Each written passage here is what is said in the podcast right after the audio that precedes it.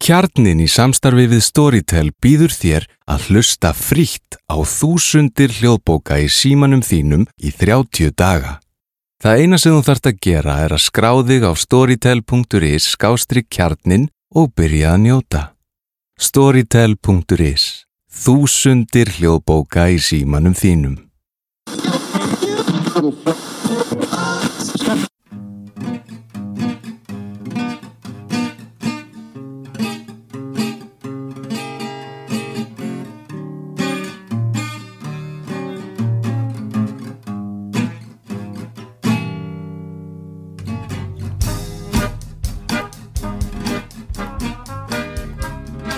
Velkomin í samtal við samfélagið hlaðvarp félagsfræðinar.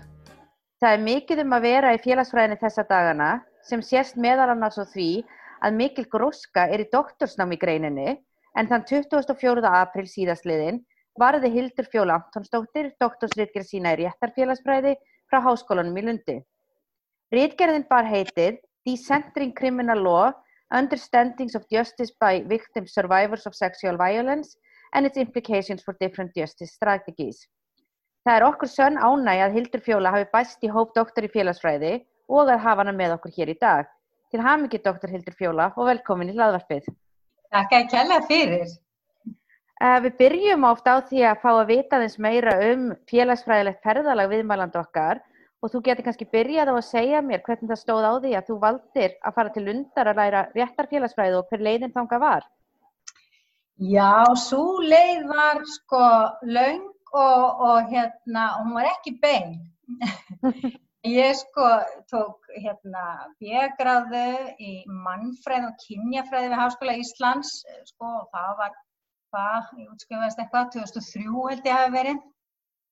Síðan lág leiðin nú til, til hérna, Englands, til London, þar var ég í LSI, ég tók masterskráðu og þá var ég í þróunafræðunum sko, þróunafræði og kynjafræði og svona hattrænum fræðum. Og svo var ég heilengi bara við störf á vettangi þróunamála og vann meðal annars ellendis og saminuð þjóðunum og, og vann svo ég líka hérna heima við Háskóla Íslands í við gestverkefni, hérna þróunaverkefni Háskóla Íslands og auðvitað gestverðansins. Og, og síðan var það sko 2012 held ég að ég hafi verið semst að rannsaka hérna, uh, þá var ég að skoða semst íslenska réttarkerfið og hvernig réttarkerfið meðhöndlar í rauninni kynfísbótamálinn og ég sérstaklega skoða nöðgunamálinn og hérna það var svona kjölfar af því að, að, að, að ég fór átt að með því að mér finnist heitlandi að skoða lögin og, og þá út frá svona félagsvísitælegum nálgunum sko þá fór ég svolítið að leita fyrir mig hvort ég kemist ekki í doktorsnám og þess að ég geti skoða þetta betur. Og, og þá í rauninni, ef ekki fyrir þá, að ég átti að með á því að það væri eitthvað sérstak, sérstak fag sem bæri þetta heiti, réttafélagsfræði eða sociology of law. Og hérna og þá fann ég það að í, Lundarháskóla út í Svíþjóð að þá hefur þetta verið kent bara ansi lengi það er kannski helst, af Norrlandaþjóðunum er þetta helst kannski svíjar og, og normenn sem hafa svona haldið þessum fánum á lofti, hvað var réttar félagsfræðina sko. En það er náttúrulega tölvert svona, tölvert tengsla millir réttar félagsfræðinar og til dæmis afbrótafræðinar, það er tengsl þar á milli náttúrulega og uh, já. En þú mútti kannski útskýra eins fyrir okkur, hvað eigum við með réttar félagsfræði og hverjir eru svona helstu áherslunar og þú myndist náttúrulega tengslinn sem að koma í hugan með ábrótafræðina. Hver var kannski mununum þarna á milli? Ég held að það er mjög erfitt og maður heyrir alveg, þegar maður fyrir að formúla eitthvað svar, sko, þá heyrir maður strax sko, að það getur verið gaggrind mjög, mjög öðvöldlega. En, en kannski svona grófum dráttum ábrótafræðin alltaf kannski er að horfa á afbrót, sem sagt, og, og, og, og kannski gerendur og þólendur og þólendafræðin er tekin inn líka og þá kannski aðalega snertiflöturinn við laugin eru kannski fyrst og fremst sko refsirétturinn. Já. En réttafélagsfræðin er með kannski víðari nálgun á réttakerfið. Það er einu ólika greinar lagana undir alveg og, og svo fremst. Þannig að það er svona víðari og breyðari kannski nálgun á, á, á laugin og réttakerfið. Já og þú sagðist, þú sagðist hafa valið að fara til Lundar og það hefur verið laung hefð þar að kenna í þessu sérsviði kannski að segja mér aðeins frá bara hvernig var að vera doktorsnum í Svíþjóð og hvernig námið er byggt upp og bara verið í Svíþjóð og verið lundi? Já, er dásanlegt að vera í Svíþjóð. Svíþjóð er svo sætt. mm. Lundur er alltaf dásalegu staður, þetta er eins og búið í litlu svona postkorti, þú veist, og svolítið fallegt. Og svíjarnir eru indælir eh, og, og þetta er sem sagt, þetta félagsfræðin þetta í Lundi er, er, er lítið fag, þetta er, þetta er lítið fag og eitt svona af, hvað maður að segja, svona identitetskrísonum í réttafélagsfræðinni er svolítið þetta hvað eigum við heima sem, sem faggrein sko er þetta, fellur þetta algjörlega undir bara félagsfræðina og félagsvístalega nálganir eða á þetta heima mögulega sem í rauninni sko fagina lögfræðinar. Mm. Og þetta er búið að vera debatt sko síðustu 40-50 ár sko. Mm. Að, og hérna en, en þetta félagsfræðina tók í lundi er sem sluti af félagsvísta sviðinu og, og reynir síðan að vera í góðum samskiptum við lögfræðina sko. Já. Eða svona, já en, en, en það er nú lögfræðin nú byggð upp, lögfræðin náttúrulega eina sem sérstaklega greinir fólk hvernig oft í lögfræðina vegna þess að það vil fá réttindi til þess að starfa sem lögfræðingar, þannig að það er ekkit, það er kannski mjög lítill sko hluti lögfræðin nema sem er þarna til þess að sko, stúdra lögfræðina sem eitthvað fræðigrein sko. Já. Náttúrulega flesti fara til þess að ná sér í, í starfsettindin sko. Þannig að það er nú kannski stundum að réttafélagsfræðing kannski gagnir lögfræðingana svolítið fyrir að vera kannski ekki nógu fræðilegir og, og, og vera kannski ekki að velta nógu mikið svona fræðanum fyrir sér. Já. En það er líka annað debatt sem, já, fólki er ólíka skoðan af því. Og það er rétt hjá mér að það ekki að þú ert svo, svo fyrsta sem að mentar þið á þessu sérsviði félagsfræðina hér á landi. Jú, allavega með sko doktorsgráðina, uh, en það hafa verið íslendingar sem hafa verið bæði í doktorsnámi þarna og, og, og líka hafa lokið semst masters uh, þannig, að, þannig að það er nú alveg einhverju íslendingar sko. Já, og þú talaður um það hér að þú hefði verið í kynjafræði meðal annars hér þegar þú varst í Háskóla Íslands og það verið svona svolítið að hafa fyllt þér þessi áhersla á kyn, þannig að þú ert ekki bara að skoða réttarfélagsfræði heldur líka feminíska réttarfélagsfræði. Já. Kannski að þú segði mér aðeins frá þeim áherslum sem er í hennu og hvernig hún er kannski ólík þeim sem eru þá bara í réttarfélagsfræði. Ég myndi ekki segja svona að feminíski vingilinn kemur inn í réttarfélagsfræðina alveg eins og hann kemur inn í aðra fræðigreinar sko. Það er þannig kannski feminíska félagsfræði eða feminíska mannfræði til dæmis. Það er svona kannski svona nálgun bæði viðfangsefnið gefið til kynna sko, að viðfangsefnið hafi eitthvað með þetta að gera og síðan náttúrulega svona kenningaramar og nálganir sem, sem eru þá sem slitaðar af eða af svona sem feminísku, feminísku pælingum sko. Og hvað heldur eins og ég sagði þetta hefur náttúrulega greinlega verið með í lengi, hvað var það til þess að uh, þú byrjar að fá áherslu, áhuga á kynjafræði og ákvæmst að taka hana hér og Já, það alveg rétt. Ég var svolítið í svona feminískum aktivisma uh, sko þarna áður en ég fór í námið. Svo fór ég út í Þískalands líka þarna nú vorum við að tala um sko 98 eða eitthvað. Þar kynntist ég líka áhugaverðum svona feminískum pælingum þannig að þegar ég kom tilbaka þá frá Þískalandi að þá hérna fór ég að hafa samband við sko feminíska svona aktivista hér og, og, og svo fór ég inn í kynjafræðina þaðan sko. Já og, og svona rauði þráðurinn kannski hjá mér hefur verið eh, sagt, áhersla á kynfyrsofbeldismálinn uh, kannski fyrst og fremst og svona kynbundið ofbeldi. Og uh, það er svona kannski, já, sem hefur fyllt með bæði sem stýri þró, þess að ég hef verið að vinna á, á vettangi þróunamála og þá hefur það líka verið svolítið fókus hjá mér sko. Að, að, að, að svona, hvernig getur við bætt stöðu mála þar. Og ég leiði mig svolítið að segja það og nú veit ekki hvort einhverju væri ósamála mér en ég leiði mig nú að segja það að, að svona hvað var það að kynja fræðilega málefni að þá erum við svona kannski búin að leysa úr ansi mörgu sko út frá svona við erum að tala um jafnbretti og, og svona kynja jafnbretti að þá að þá kannski erum við búin að leysa mjög mörg vandamál þó að við séum alltaf að berjast fyrir því að fá sko pólitískan sko, stuðningi að, að koma þeim í framkvæmt en svona aðfærafræðin hvernig við eigum að gera það kannski líkur að einhver leiti fyrir. Nema myndi ég halda í, í sko ofbeldismálunum og þá hvað var það sko réttlætið. Já, Hvernig ætlum við að búa til sem sagt eitthvað réttlæti? Þannig að brotaþólar, fólk sem er beitt kynfyrirsofbeldi til dæmis, sem sagt eh, eigi eitthvað sens að því að, að upplifa eitthvað réttlæti. já. Og ef við förum kannski aðeins yfir í doktorsritgerina þína sem að þú varðir hér um daginn og á þessum tímum COVID þá sá ég að það var uh, á netinu. Hvernig var að verja að nota fjarskipta búna?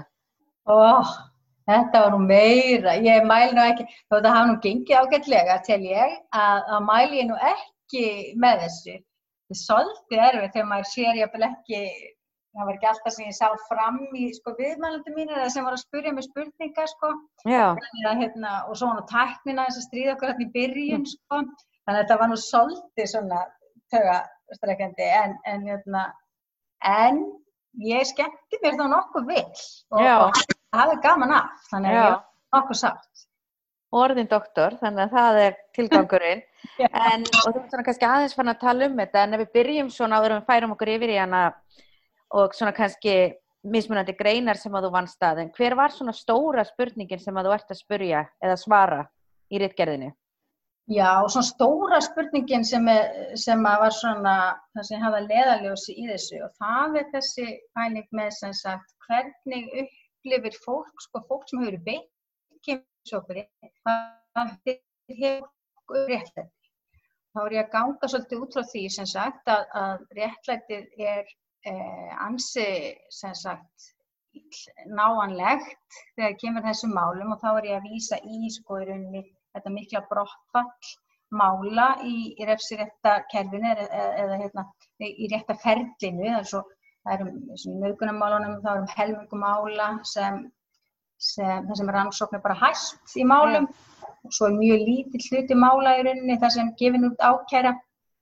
Um, og, og svo er alltaf ykkur að síknu líka þannig að þetta er mjög lágt hlut allar málum sem enda í sakirlingu sko, í, í kynfyrirbótamálunum, sérstaklega í nögunamálunum og þannig að hugpælingin mín var að, að reyna að átta mig á því sem sagt, ok, ef að þetta réttakerfi er að virka svona illa eins og römbu vitni og mjög margar rannsóknir sem sína fram á það líka erlendis, erlendis frá það er alveg ákveðin strúktur og þættir þarna sem er ákveðin, ákveðin vandi en, en hvernig væri þá að, að taka svolítið skrið tilbaka og gera það sem feministka rannsóknir rauninni gera best. Það er að spurja fólk sem hefur upplifað kemfyrsjókvöldi í þeirra hugmyndum réttlæti og reyna að skoða, taka þetta svolítið þaðan og sjá hvernig við getum þá aðlega kerfið og ekki þá bara endilega refsréttin, þetta líka aðra, að, an, annars konar rétt eða rétt, já, til dæmis skafbóta rétt eða, eða annað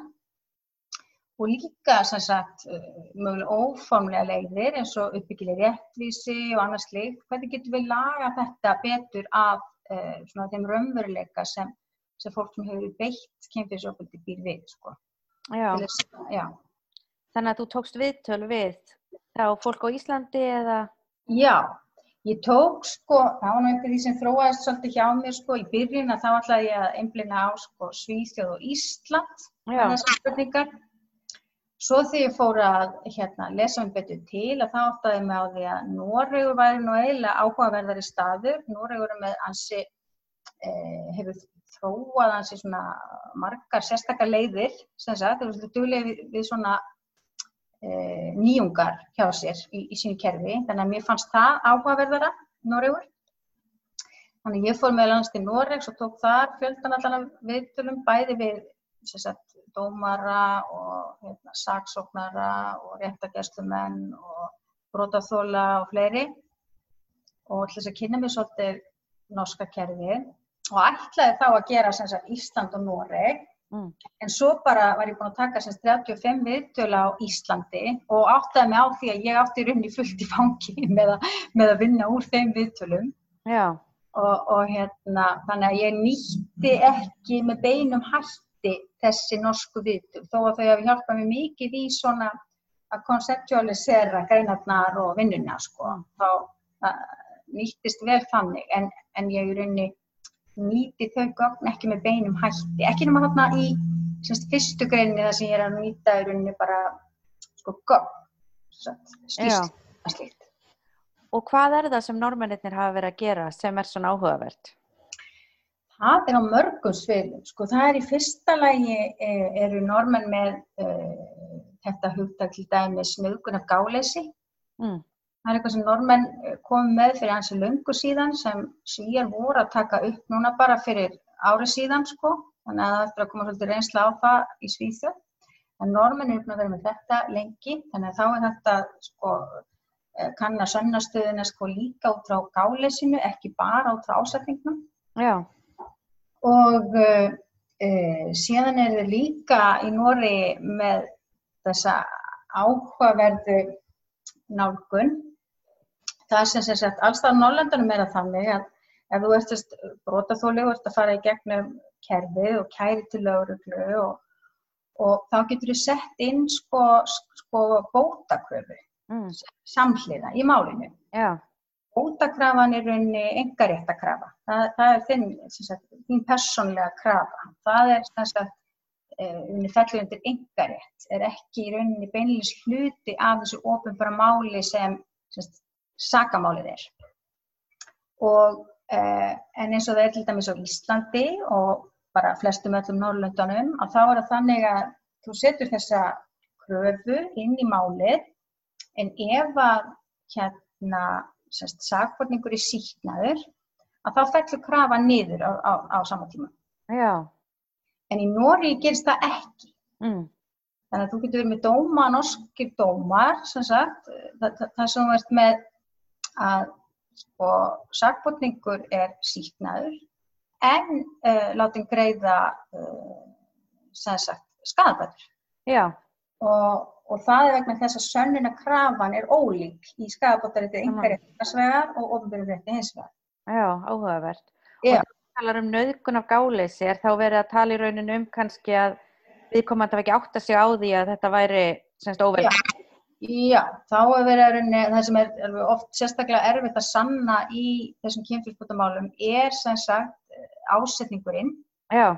Það er það sem hún verður að sanna, sem sagt, í, í, í sakamálar réttafarinu. Það verður að sína fram að það hefur verið ásettingu til þess að, að, að brjóta þarna gegn viðkomandi með einhverjum hætti. Og það er þessi ásettingu sem er annars mjög erfitt, erfitt að sanna vegna þess að það sem sakvotningar eða segja er ég ætlaði mér ekki að brjóta gegn manneskinni, ég ætlaði að stunda kynlíf. Og þá getur verið erfitt fyrir, fyrir laugin að að sína fram á að, að, að það hafi verið sko, staðið til ásetningur um, um brot. Já, þannig að þetta er reyni klift að dæma í málunum án þess að, eða dæma segt án þess að það sé fram á brotavilja eða ásetning. Í rauninni, sko, en, en gálesið er samt, sko, það er samt mjög hákrafa líka, sko, gálesið, þannig að það er svolítið að, já, það ertu svolítið að haga þér þannig að, að það hef, já, að venjuleg manneskja hefði ekki hagað sér með sambarlegum hætti í rauninni undir yeah. sambarlegum kringstæðum. Þannig að Og þú talar um og fyrsta greinin var einmitt samanburður á Danmark og Noregi og hvernig lítið er á fornalömbi lagaskjölum. Mm. Og þú er kannski svona aðeins búin að segja af hverju Noregur er sérstaklega áhugaverður en kannski af hverju var þessi samanburður sérstaklega áhugaverður á þessum tveimu löndum og hvað var það sem að þú kom stað í greininni? Já, það sem var áhugavert þarna var sko í fyrsta lagi áttæði með því sem sagt því ég var að byrja að skoða sérstaklega sérst réttastuð brótaþóla í sakamálaréttafari að ég svona, við, við held ég oft gungum með þær hugmyndir að svona Norrlandi sé svona svolítið svipuð með flest Já. og það er alltaf hugdag sem heitir Norrætt réttur sem er alltaf vísun í það að svona hérna Norrætt réttur eða semst á Norrlandunum er réttafar með svipað. En þegar það kemur að til dæmis uh, réttastöðu brótaþóla þá er hún með mjög ólíkum hætti í, í ólíkum löndum. Og finnar sérstaklega, þar er réttastöða brótaþóla mjög sterk og hefur alltaf verið og byggir að mjög gamlum grunni og rauninni fylgir þessu gamla germanska mótili í rauninni, kemur frá Þýskalandi og hérna og þar eru brótaþólarunni aðilar að sakamálinu og uh, hafa í rauninni fullan rétt þáttukur rétt og upplýska rétt í, í öllu því ferli. Svíjarnir voru með þetta lengst af líka en hafa þó aðeins svona, já, slaka svolítið á eða svona hvað þetta varðar, allavega á þegar málir á löguruglustígi eða rannsóknstígi rannsóknlögurnar. Síðan aftur á móti eru það þessi vestnórænu ríki eða þess að Danmark, Nórugur og Ísland. Okkar réttafar hefur síðan þróast í svolítið aðra átt. Og uh, það var rauninni hérna í kringum 2000 þar sem það var hérna norsk fræðikona, lagaprofessor í dag, Anni Roppestad. Hún fór að skoða þetta svolítið og, og hérna og reyna átt að segja af hverju réttast að brotaþóla hérna í, í Nóri miklu lagari heldur til þess að finna þetta svíþjóð. Og þá er þetta svona, og náttúrulega Nóri var á sín tíma undir dansku krúnni og Ísland náttúrulega líka og svo framvegs, þannig að þetta er svona leifar af þessu, að uh, þessi vestanórannu ríki eru með sko réttastafbróti þála er mjög lagari og við höfum farið svolítið meira þess að engil, sarsnesku leið þar sem brótaþólanum er bara ítt út úr þessu sambandi á milli sérst, ríkisins og, og sakvotnings og, og ítt út og reyni gefið þessi vittnastafa. Þannig að brótaþólar í þessum frem ríkjum eru sko vittni í málunum, ekki með aðaldaréttindi og eru þar að leiðandi mjög utanveldu í öllu ferlinu, sko. Fá litlar upplýsingar, vita ekkert hvað að gerast almennilega, fá reyni að taka mjög lítið þátt. Uh,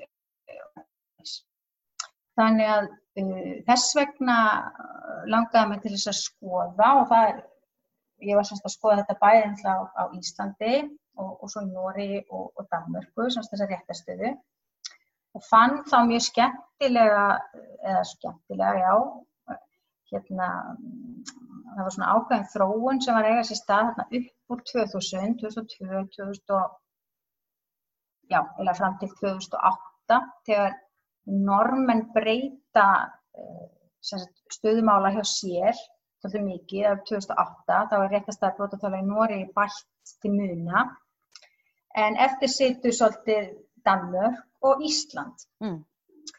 Munin á Danmörk og Ísland í þessu var henni sá að það er svolítið eins og þessu umræða hafi svolítið farið fram hjá okkur á Íslandi. Þetta er bara, maður finnur eiginlega ekki gögnum neina, neina vísun í þessu umræðu.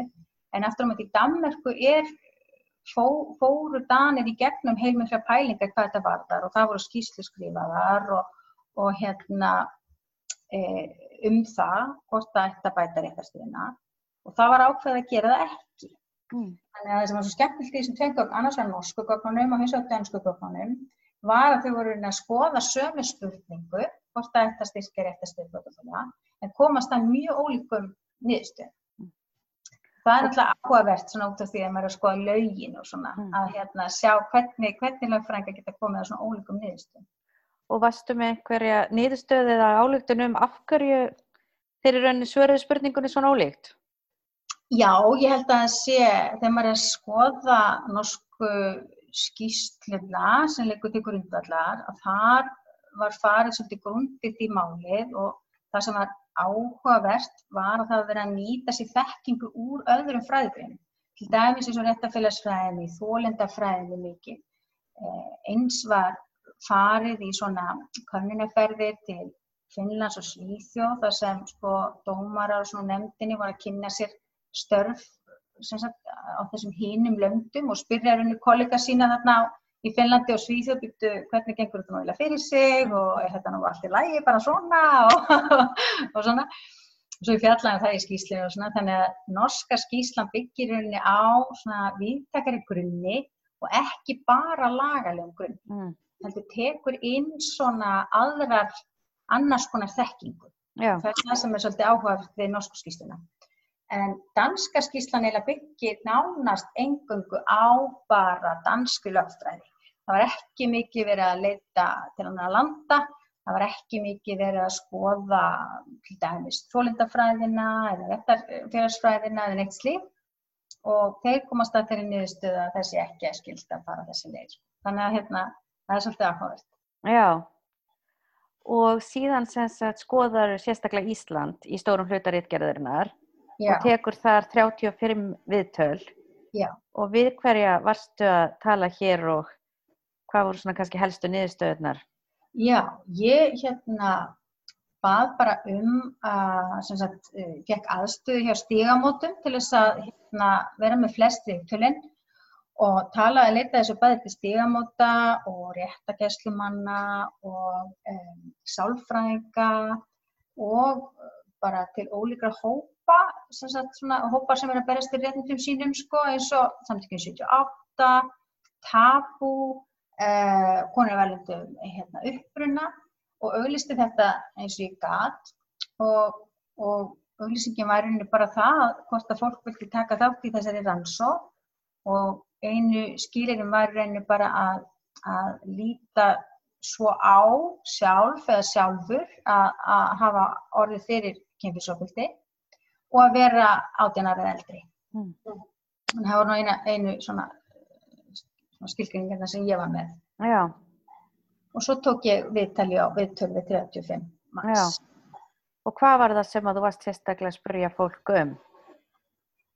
Þetta voru svolítið löng viðtöl. Ég, fyrsta lagi spurði ég svolítið fólk um bara, sem sagt, ég var ekki að fókusa mjög mikið á ofbeldi sjálft, heldur var ég að skoða svolítið sko hvernig er henni samfélagi bregst við. Þannig ég spurði fólk tölvest út í svona hvaða voru fyrstu viðbröðin sem það fekk sinni þegar það sagði frá. Uh, og síðan spurði ég heilmikið út í þeir sem hefur farið í gegnum uh, kært til lauruglu þá spurði ég heilmikið um það ferli, hvernig fólk hafi upplifað það ferli og svo spurði ég út í hvort hvaða svona við þá fólk hefði til skadabótakröfunar Mm. og, og, og, og þetta að, að henni fá bætur í þessu samhengi sko, í, í í þessu samhengi að kemur og uh, svo spurði ég fólk líka um uppbyggilega rétti sig, hvort að við finnist það mótel vera eitthvað sem ætti að skoða sko betur, hvaða svona hugmyndir fólk hefði um það. Svo spurði ég fólk svolítið um ofnbæra umræði uh, og Mm. hvað fólk upplýð umræðina. Og svo svona lokaði ég með svona þessari spurningu með réttlætið. Hvernig réttlætið geti litið út fyrir viðkomandi, hvort að fólk upplýði að hafa, eða sko hefði upplifað einhvers konar réttlæti, eða réttlætis tilfinningu í einhverju samhengi. Mm. Já, og svo, og svo. Já, þannig að það er fullt af spennandi hlutum þarna, ég veit ekki hvar ég á að byrja að spyrja frekar út í það. En þú sagðist að það byrjað á viðbröðum, hvað viðbröð fólk fekk? Hvað kom út úr því? Sko, það var nú ímislegt, en ég, einmitt af því að, þú veist, þetta með að skrifa greinar, af því að Já. greinskap, sko, þá er það náttúrulega alltaf þetta, þessi prósess að, að finna þarna einhverja sneið sem maður getur tekið, þú veist, og útfært í grein, sko. Þannig að ég hef ekki, eins og komið er allavega útfært svona þær pælingar, en mér finnst mjög, mjög áhugaverðar. Sko. Og, og svona, svona hugringatengslinn sem ég hef við að lesa svörin er svolítið þetta hvað það er mikilvægt að fólk fái uh, rétt í rauninni viðbröð alveg strax. Já, þess að þetta að bera óreittlætið inn í sér í langan tíma uh, að, að það held ég að sé fannst manni að, eða það er alltaf eitthvað sem ég velti fyrir mér sko að hvort að það sé ekki mögulega hluti af um, í rauninni afleggingunum sem fólk upplifir og nú hefur verið tölvöld í umræðinu einmitt með, með sérst, áföll og, og afleggingar áfalla og, uh, og tala um til dæmis í tengslu við kynfyrirsofbeldi að, að þetta sé svo alvarlegt áfall að fólk ber þetta með sér alltaf æfi sko. En ég velti fyrir mig hvort að sko e, það að upplifa góð viðbröð strax. Þar sem fólki strax trúa fólk fær strax stuðning fjölskyldan stendur með fólki skólinn stendur með fólki vinnu umhverju stendur með fólki hvort það sé hægt að minka skadan mm. uh, með því með því að kanna, kanna það svolítið betur sko. já. Og þú minnist á að þetta sé svona fræðin alltaf um það að finna hvar er sagan sem er nóg áhugaverð í grein. Já, og það eru sem sagt þrjár greinar sem að þú gerðir uh, sem að fókusera sérstaklega á Ísland. Myndir þú kannski segja mér aðeins frá þeim og hvað þú ert að skoða þar? já, sko, fyrsta, eða sérst, já, það var eh, fyrsta grein sem við erum búin að tala um, hérna varandi að þessi norsku og dönsku gögn. Síðan er það semst viðtölin, já, og fyrsta grein af þessum viðtölum, eða semst önnu greinin, til að flækja, flækja mjög máli, hún semst fjallar um upplifanir eh, minna viðmælanda frá Íslandi á semst réttakerfinu, því að ganga í gegnum réttakerfi hérna heima. Já, Og þar er svolítið að skoða semst þeirra upplifanir og, og hérna, og tengi það við sagt, skoða það í gegnum eh, verk Nasi Freyser. mm. og ég er svolítið að skoða svona hennar, nota hennar koncept, hún er mörg fín hugtök sem hún er með sem ég geti náttúrulega ekki þýtt til þess að braka lífið mínu eftir. en hvað er það svona sem að kannski einkennir hennar hennar sem sagt rannsóknir eða þessi hugtök og hvernig þú notar þau? Já, það sem er svolítið flott við hennar verk, hann og margt mjög flott við Fraser. Mm. En hérna, eitt af því sem hún gerir svolítið skemmtilega og það er að tengja saman svona ólíka réttlætiskenningar. Mm. Rauninni tekur margar ólíka réttlætiskenningar og býr til svona risastórt í rauninni svona framework, sko, ramma úr þessum ólíku kenningum Já, og býr síðan til hugtök, sko, sem maður getur notað, þetta er alveg briljant, sko. Og ég er að nota svolítið við bæði þessu hugtakið recognition og misrecognition, sko. Eh, þetta að, að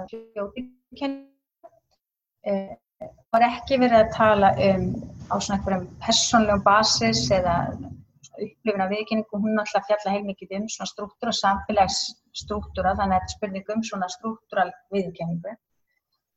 Eh, svo erum við fleiri skemmtileg hugtök, misframing til dæmis, þegar hún er að tala um réttlæti og það er þetta að kanna sko hvort að allir þeir sem hafa aðkomu að uh, tilteknu máli sem hefur verið rammað inn sem spurningum sagt, hvaða, hvernig maður getur sagt, fært rauk fyrir því uh, hverjir eiga að vera teknir með í reikningin eða hvaða að vera teknir með í reikningin.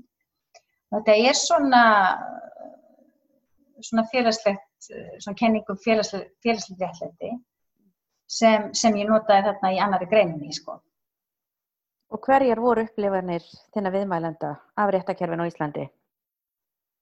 Sko það sem var oft uh, uh, minnst á að það var í fyrsta lagi þetta að fá ekki upplýsingar á, á, á meðan rannsókmál stendur yfir að þá er það oft þannig að brotaþóri kemur bara til lögreglu og, og kæri mál og fyrir skiltöku en heyri síðan ekkit af málunum neitt eftir það. Það er ekkert leita til brotaþóra mikið eftir það sko.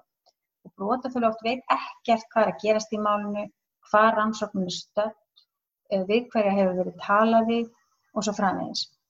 Og e, síðan oft er það sem brotaþóri bara fara að heyra er annarkvort að rannsókn máls hafi verið hægt Mm. eða þá að saksóknarnir sé búin að fella máli niður Mm. og það er yfirlega ekki fyrir þá að brotaþóli fari einhverjar upplýsingar um bara svo til dæmis hvað, hvað sagði hérna kærandi eða sakfræðingur í málunum Já. hvað er hans málfræðingur til dæmis Já, og þegar svona langt er komurinn búið að fella málinn í þegar rannsókn málsins hægt að þó að það séu kærulegðir sem sagt, brotaþóli getur beðið um að, að getur henni kært niðurstöðu og fengið aðra endurskoðun á málinu. En uh, það er opbóðslega sjálfgæft að þessari ákvörnum, að þessum ákvörnum er snúið við. Þá er oft svona einhvern veginn mjög sterk gögn með eða sem sagt. Og þess vegna sem skiptir svona miklu máli er að brotaþóli fá að hafa einhverja aðkomu að, að semst, á rannsókastíði til þess að tryggja að allar upplýsingarnar sem brotaþóli mögulega býr yfir komist í skila mm.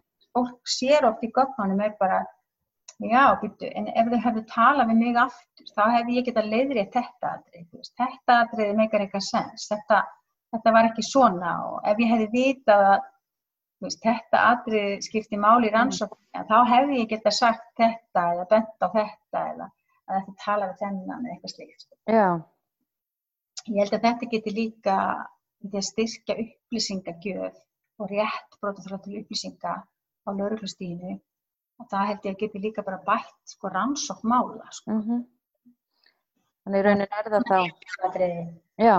Já, svo eru fleiri atriði sem er sko rétti þáttöku að fá að hafa eitthvað um að segja hvað er að gerast í málinu og það er þá sérstaklega til dæmis eins og hér á Íslandi eru við yfirlega með loka þingkald í kemfjörnsbótamáli. Mm. Það lítið svo á að þessu viðkvæða mál og, og þarna er einu yngin að vera sem ekki kemur málinu beinum hægt við. En þetta þýðir að vegna þess að brotaþólið er skilkvæmdurinni sem, sem vittni í málinu að brotaþólið í raun hefur ekki rétt til þess að setja inn í réttarhaldunum. Mm. Þannig að ef brotaþólið vil setja inn í réttarhaldunum þá þarf að byrja um leiði frá dómara og ég meina ef að, ef að hérna, verjandi er ekki samtíkuð hluta vegna til dæmis þá, þá er, hefur það farið svo hér á landi að dómari segir nei því miður, ég get ekki, ég get ekki leitt, leitt þetta sko. Þannig að þetta sýnir svona jáðarstöðu brotaþóla í, í málunum sko. Já. Og oft er auðvitað svona í umræðinu að kynferðisbrot séu sérstaklega svona erfið og viðkvæm og mjög oft, já bæði erfitt að þið fara alveg gegnum kerfið og ef að þau ná í gegna þá sé ekki sakfælt. Uh, eh, hverju hefur þú svona skýringar á því að það sé litið svona á þennan málaflokk? Það eru sko, það er mikið búið að skrifa um, um, um þetta, elendi sérstaklega og svona aðeins hérna heima líka en sko það er rosalega mörg aðrið sem koma þetta saman, held ég. Sko, ég veit ekki eins og ég alveg hvað ég á að byrja sko. ég, ég held að eitlutin í þessu náttúrulega lítur að sko lögurfjörðansökunni sjálfi og nú hef ég sem sagt áður en ég gerði doktorsverkefni að þá var ég að skoða svolítið hérna hvernig rétt að kerfa í Íslandi er að meðhandla þessi mál þá var ég að fara og lesa yfir mikið af gögnum og, og málsgögnum og maður sá alveg hvað sko sum mál verður að vel rannsókuð og önnur bara ekki eins vel. Mm. Og það var ofta erfitt að sjá nákvæmlega af hverju, af hverju það var. Og uh, við gerðum nú skýslu, hérna ég og Þorbjörg Sigriður Gunnarsdóttir, við gerðum saman þetta, fyrsta hluta þessa verkefni sem séum tíma sko. Og vorum þá líka að kanna sko bakgrunnsbreytur, við settum og gerum svona hérna innihaldsgreiningu, þess að við höfum sko öll málskap í öllum nöðgunarmálunum sem hefur tilkynnt á 2008-2009 og innihaldsgreindum þau og settum inn í, þú veist, SPSS og allt það sko og maður skoða baknarspröðunar, hvað er það sem geta verkum að sögum mál komast í gegn og annir ekki. Og, og það voru ymsir, ymsir uh, þættir sko. Uh, það var meðal annars um, þau mál sem eru kærð strax eru, eru mun líklega til þess að komast í gegn sem sagt, þetta er einu önnum ál uh, og svo eru svona fleiri þættir svona í uh, ferlinu sem virtist skipta máli.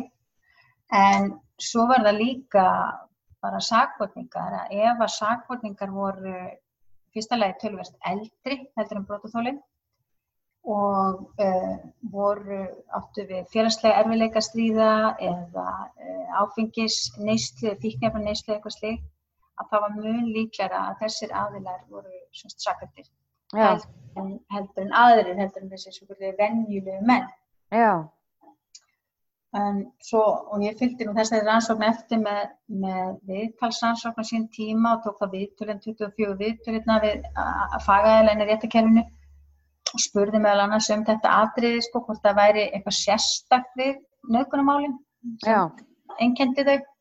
Og eitt af því sem fólk sagði var, var þetta að, að í kynfyrsbótamálunum og þá eru hinn kærðu eða grunniðu eða sakvartingar í málunum eru yfirlega svo kvöldu venjulegu menn Já.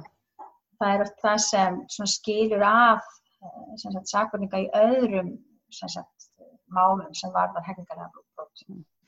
Þannig að hlutaskýringun er ekki að jafnvel fyrir samberðalegt brot þá er dæmt eða perli málsins ólíkt eftir því hver er raunin þær sem fremur brotið og hvort að við sjáum þá sem stinnan þess að ramma venjulegi menn sem ger ekki svona. Já, það er, eða, sko, já, það er allavega, þetta er einn breytan sem Já. allavega sko, kemur upp og, og það er allavega, svo er spurning, sko, hvað er, hvað er svona beinharðu bías, sko, versus mögulega rekst saman við aðra þætti og maður sá oft líka að þeir sakvarningar sem voru kannski svolítið sko, já, áttu greinlega í fyrirslegum erfileikum og, og, og við mögulega fíknefna vandastíð eða eitthvað slík að oft stóðu þeir sér hreinlega bara ve ve ver í skýrslutökum og fyrir dómi. Já, heldur en þessi svo kvöldu venjulegu menn. Einn svo kvöldu venjulegu menn bara neita öllu og segja kannski sem minnst sko, eitthvað leiti, þú veist. Og, en það voru kannski þessir aðilar sem voru, já, ekki einn sterkir á svellinu, sem voru meira missaga sem meira kannski er verið með að fóta sig í þessu, þessu réttakjæf okkar sko. já, nákvæmlega. þannig að það svona stendur svolítið upp úr að, að það eru svona kannski þessi venjulegu menn sem mynda þorra þeirra sem eru sem sagt, kærðir fyrir kynfísofaldi en svo er það þessi sem eru veikastir á svellinu sem, sem enda sakveldir. Já, og það tengist auðvitað líka kannski breytingum á hugmyndum okkar um hvað nöðgun er og kannski svona, ég man til dæmis bara þegar, þú veist, ég var alast upp, þá kannski hugsaði þetta alltaf um þetta sem þetta er einhver ókunnugur maður, þetta er hrottaleg nöðgun í húsasundi og það er engin tengsl og í rauninu kom bara, þú veist, til dæmis óvart að heyra, ég menna það er komið kannski 20-30 ár síðan að svona umræðan fór svolítið að opnast, að til dæmis flesta nöðganir eru á milli, eru sem sagt þar sem aðilar þekkja hvort annan. Og það er kannski þetta svolítið að því fjær kannski sem við förum frá þessari svona gömlu ímynd af þessari hrottalegu nöðgun af ókunnugum sem að við sem sagt uh, kannski minka líkurnar á því að það sé eitthvað gert í málinu. Já, það er einmitt þetta einmitt eins og við segjum, þessar svo kallið sko, nöðguna mýtur sem hafa verið mikið rannsakað og mikið skrifað um eins og í bandaríkjum sérstaklega en- líka við annar staðar sko. Þá er mitt þess að þú ert að segja sko, það er þessar gamlu eða svona hugmyndir um þennan ókunniga mann sem stekkur út úr unnanum eða hvað það er sko. Eh, eða það sé einhvern veginn engin fyrir nánast samskipti á milli brotaþóla og sakvarting sko, áður en að, áður en að atbyrna sér stað sko. Eh, og svo eru fleiri náttúrulega svona nöðguna mýtur sem hefur sínt fram á bara hvernig konur oft sko fólandin þá hegða sér hvernig viðkomandi var klætt. Þetta, var, þetta eru mýtur sem voru og lifa víða góðu lífi en nú að vona að við séum ekki alveg þar stött á Íslandi sko og ég hef nú talað við eins og saksóknara um þetta og það eru nú margar þar sem vilja meina að, að, að þessar mýtur sé nú ekki, ekki sé nú ekki lifi nú ekki góðu lífi í okkar réttarkerfi, ekki með þetta hvernig þú hegðaði þér áður að klættir þig sko í einhverju svona í einhverju svona samengi sko. Já, og auðvitað já, hvað maður er að tala um þegar maður er að tala um hegðun hérna sko. Já, þetta er nú kannski flokkan þetta. En það, já, það eru svo rosalega margir þættir sem koma saman þarna og svo er það líka þetta sérstaka atriði, þessi blanda af eðli þessara mála, af því að það er yfirlega sko eh, verið að brjóta gegn fólki í prívat. Þetta gerist yfirlega, þú veist, í heimahúsum, inn í svefnarbyggjum, uh, mjög oft uh, og yðurlega eru e- engin vitni, já, oft eru ekki mikið um áverka, uh, þó að það séu oft svolítið áverkar en ekki einhverjir, óbóðslegir, líkanlegir áverkar sem sagt. Og sönnunagögn í þessum málum eru oft sko, sem sagt, já, ef að réttakerfi er vant að hafa einhver sönnunagögn sem eru helst sko sjáanleg, eh, svona eins og einmitt meiðsli, líkamlega meiðsli eða, eða vitni að atbyrðinum eða eitthvað, eitthvað slíkt sko, Já. ef það er ekki fyrir hendi að þá er eins og líka réttakerfi lendi ansi vondum málum sko og þá er þessi ofbáslega tregða til þess að uh, sakvella en þá erum við náttúrulega samt komin hægt í þessu stöðu sko að veist, þá þurfum við náttúrulega bara svolítið að segja við sjálfum okkar að við, við erum ekki að þá að standa okkur gagvart brotaþálum kynfyrsbótamálum þá er raunin ríkið ekki að standa sig í þessu vendar hlutverki sem raunin ríkið hefur lofað eh, borgurum sínum sko. þannig að þetta er, þetta er vandi sko. Já, þannig að sumuleiti þá kannski sá rammi sem að við höfum búið til utanum lögin eiga kannski ekki sérstaklega vel við í þessu málum. Nei, og kynfyrsbótamáli voru náttúrulega ekki það sem fólk hafði í huga hérna áður fyrir þegar við verðum að þróa hérna röfsiréttin og, og allt slikt sko. Líka þessi kynjaða saga um sagt, hvaða hagsmunni verið að, gæta, svona, sög, svona sögulega skilningi, sko, hvað hagsmunni berja. Já. Og hérna áður fyrir voru náttúrulega kynfyrsbútt skilgænt þannig að, að nöðganir voru þá náttúrulega þetta, þetta gamla, þá var þetta með brot gegn föður eða brot gegn eiginmanni sko. Já. Þegar ef að konu eða stúlku að nöðga sko. Já.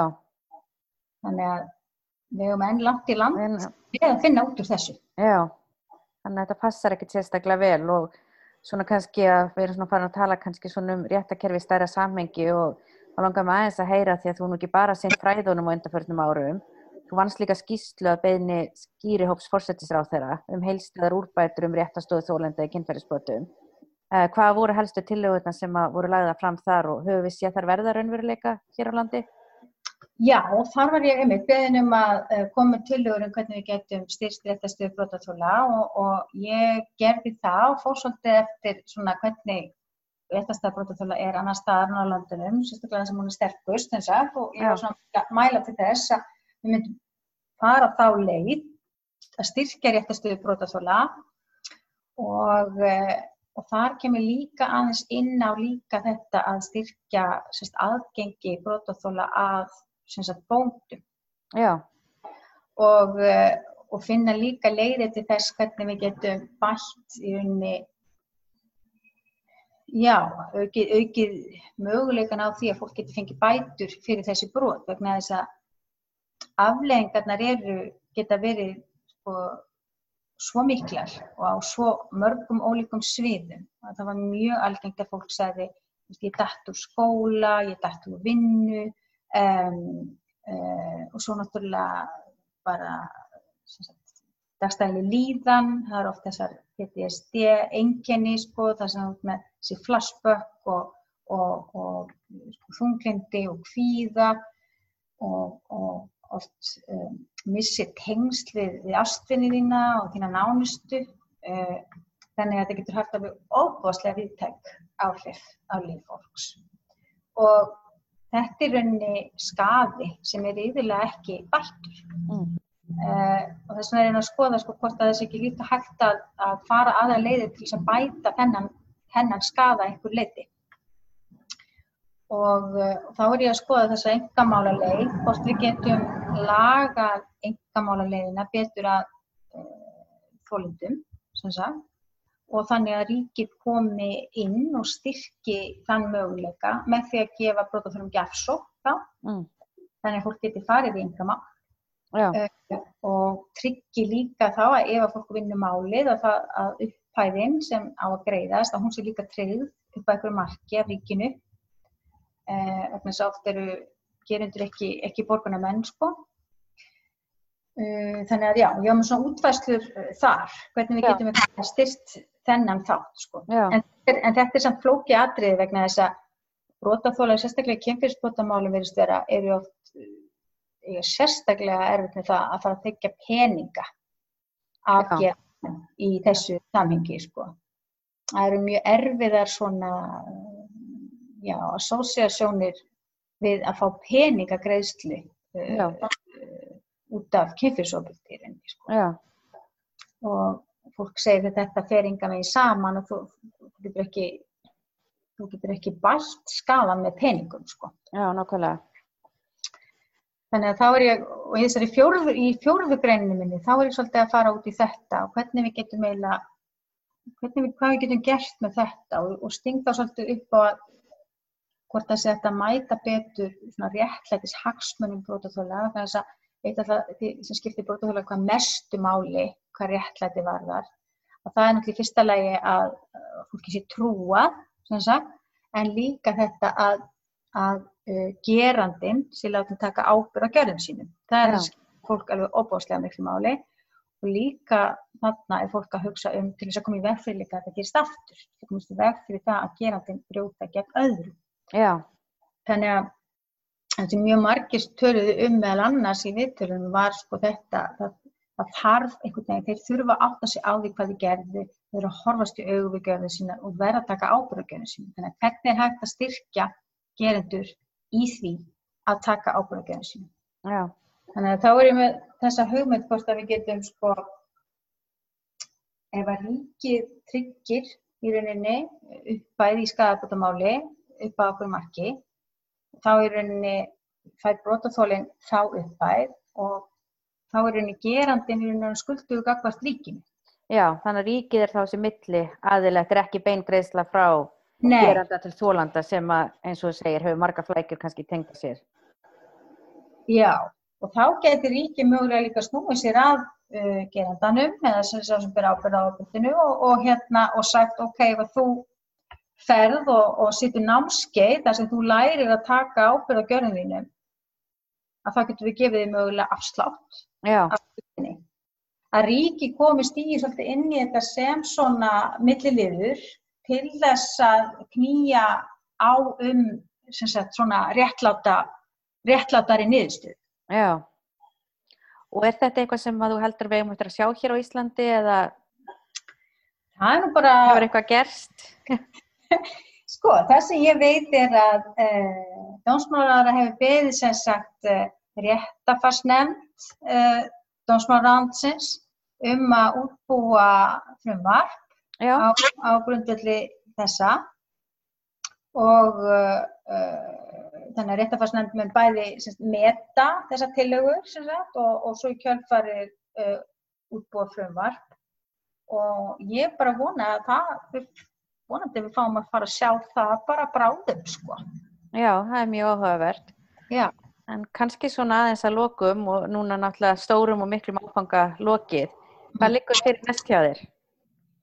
Já, það sem það sem ég langar að gera svolítið núna, nú er ég, ég kom með sem sagt uh, postdoc hjá Eddu Setri við, við Háskóli Íslands. Já og í þessum postdoc og þá ætla ég að skoða svolítið þetta sérstakka fyrirbæri eða sem sagt í, í, í lögfræðinni hvernig sönnunarkrafan og sönnunarbyrðin getur við með ólíkum hætti í ólíkum málum. Já. Mér finnst þetta svolítið áherslu, þá erum við að skoða svolítið hvernig er verið að fjalla um ásakanir um kemtirisofböldi eða ofböldi námi samböndum annars er það fyrir utan refsið. Já til dæmis í fossamálum eða meiðiðamálum eða í málum sem varðar uppsagnis. Þess að það sem verður að fara í mál vegna þess að ykkurum var sagt upp og við komum til ósattur sko. Og mér langar svolítið að sjá sérst, hvernig ofbeldi er höndlað þegar það komið út fyrir refsréttin og það sem er unni læri sönna krafa á að gilda Þannig að hvernig lögin fara að þessu, þetta þykir mér svolítið áhagast. Já, þetta er mjög spennandi og greinilega nóg framundan og náttúrulega bara frábært að vera búin að fá félagsfræðing sem að sérhæfi sig í réttarfélagsfræði. Þannig að bara til hamingi aftur og takk fyrir að vera með okkur í dag. Takk að ég kella fyrir sig. Takk. Kjarnin í samstarfi við Storytel býður þér að hlusta frítt á þúsundir hljóðbóka í símanum þínum í 30 daga. Það eina sem þú þarfst að gera er að skrá þig á storytel.is skástri kjarnin og byrja að njóta. Storytel.is Þúsundir hljóðbóka í símanum þínum.